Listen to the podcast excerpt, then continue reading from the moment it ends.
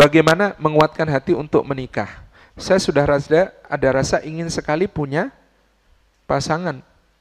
Hmm, tadinya mau ditulis mungkin istri gitu ya. Terus dicorek jadi pasangan. Saya punya banyak ketertarikan ke banyak wanita. Wah, mantap. Iya daripada ke banyak pria kan bahaya gitu. Tapi terus saja ada perasaan ragu untuk melangkah. Apa yang bikin ragu? Apa yang bikin ragu? Nikah itu ujian. Soal yakin tidak kita kepada Allah? Karena kalimat tentang pernikahan wa ankihul ayama minkum wasalihina min ibadikum wa imaikum iyakunu fuqara'a yughniyahumullahu min fadlih wallahu wasi'un alim. Dan nikahkanlah orang-orang yang sendirian di antara kalian. Dan orang yang layak menikah di antara sahaya kalian yang laki-laki dan perempuan. Jangan kalian khawatir kata Allah iyakunu fuqara'a. Kalau mereka yang dinikahkan ini fakir keadaannya, yughniyahumullah min. Allah yang akan mencukupi mereka dari karunia-Nya. Apa yang bikin ragu? Kalau istri solihah, kokoh kita ini.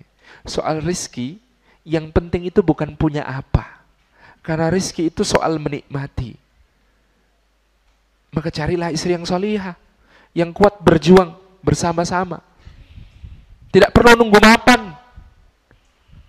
Saya dulu menikah, Masya Allah. Begitu menikah, saya tuh kuatnya ngontrak rumah kecil di sudut kampung yang kalau masuk mau ke rumah saya itu, itu motor pun harus dituntun, nggak boleh dinaikin.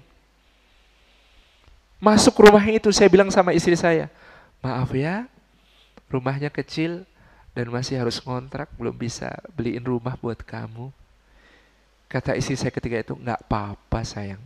Punya rumah itu nggak wajib. Oh iya yang nggak wajib ya? Iya, yang wajib itu sholat. Oh iya yang wajib itu sholat bukan punya rumah. Masya Allah. Terus kamu nggak pengen punya rumah sayang? Pengen banget punya rumah di surga. Kalau di dunia asal sama kamu ke mana pun pindah kontrakan aku rela. Tapi istri saya ini pintar sekali bikin rumah jadi besar. Caranya gimana? Anak tetangga dipanggil, kasih makanan kecil, diajarin ngaji. Dari dua orang, tiga orang, empat orang, lima orang, enam orang, akhirnya rumah saya nggak cukup. Jadi saya terpaksa ngontrak yang lebih besar. Dan Allah memampukan, akhirnya ngontrak yang lebih besar. Jadi kontrakan pertama itu hanya bertahan empat bulan karena sudah nggak muat ngontrak yang lebih besar. Itu kontrak yang lebih besar, yang ngaji makin banyak, makin banyak.